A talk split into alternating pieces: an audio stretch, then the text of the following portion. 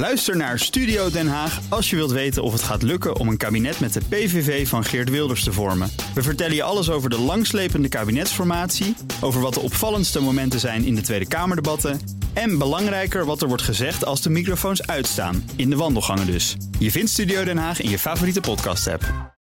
De column van Paul Lasseur.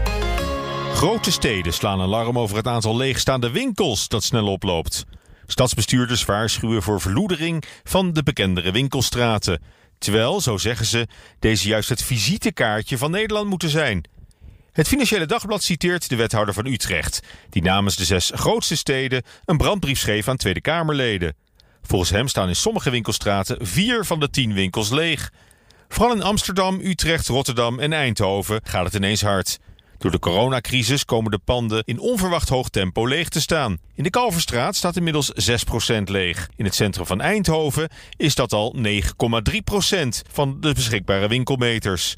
Om huurders over te halen, verlagen pandeigenaren bij nieuwe contracten de huren soms al behoorlijk. Lange tijd leken de grote steden relatief weinig last te hebben van de opkomst van online winkelen. Maar nu de toeristen wegblijven, zijn ook zij onherroepelijk aan de beurt. Het is een natuurlijk proces dat helemaal niet door corona is veroorzaakt, hooguit versneld. De laatste 10, 20 jaar verdwenen ze al één voor één uit het straatbeeld. Bekende warenhuizen en winkelformules. Dat is niet iets van alleen het afgelopen jaar. Iedereen kon dit zien aankomen. Een onomkeerbare beweging van briks naar kliks. Voor veel winkeliers is het een pijnlijke ontwikkeling die veel aanpassingsvermogen vraagt. Maar voor de samenleving als geheel is het niet alleen maar slecht. Integendeel, ik zie ook voordelen. Hoe dan ook is het een kansloze missie van grote steden die nu nog het tij proberen te keren. Want laten we eerlijk zijn, wie wil nog terug naar de winkelstraat van voor de crisis? Met in alle steden precies hetzelfde rijtje van 13 in een dozijn. Kleding, schoenen, drogisterij. Onderscheid is helaas ver te zoeken. Zou het niet heel misschien zo kunnen zijn dat we gewoon veel te veel winkels hebben, met veel te veel spullen die we helemaal niet nodig hebben? Of anders, net zo goed, beter zelfs, in de webshop kunnen kopen? Om de leefbaarheid in de binnensteden te vergroten, ben je met wat minder winkels misschien wel veel beter af. Grote steden moeten niet het visitekaartje willen zijn voor bezoekers uit het buitenland, maar een thuis voor de eigen burgers.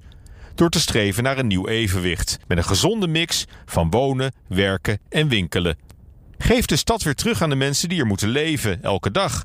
Ons land zit in een diepe woningcrisis. De huizenprijzen, of je nu koopt of huurt, zijn krankzinnig. Helemaal in de zes grote steden is wonen een onbetaalbare luxe geworden.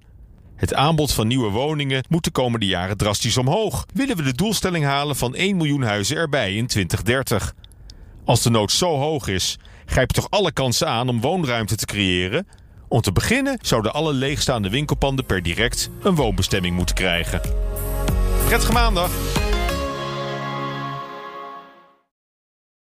Ook Liesbeth Staats vind je in de BNR-app. Ja, heel handig. Luister live naar Kees en mij tijdens de Daily Move. Dan blijf je ook gelijk op de hoogte van breaking news en het laatste zakelijke nieuws. En daar vind je ook alle BNR-podcasts, waaronder de Perestrooikast. Download nu de gratis BNR-app en blijf scherp.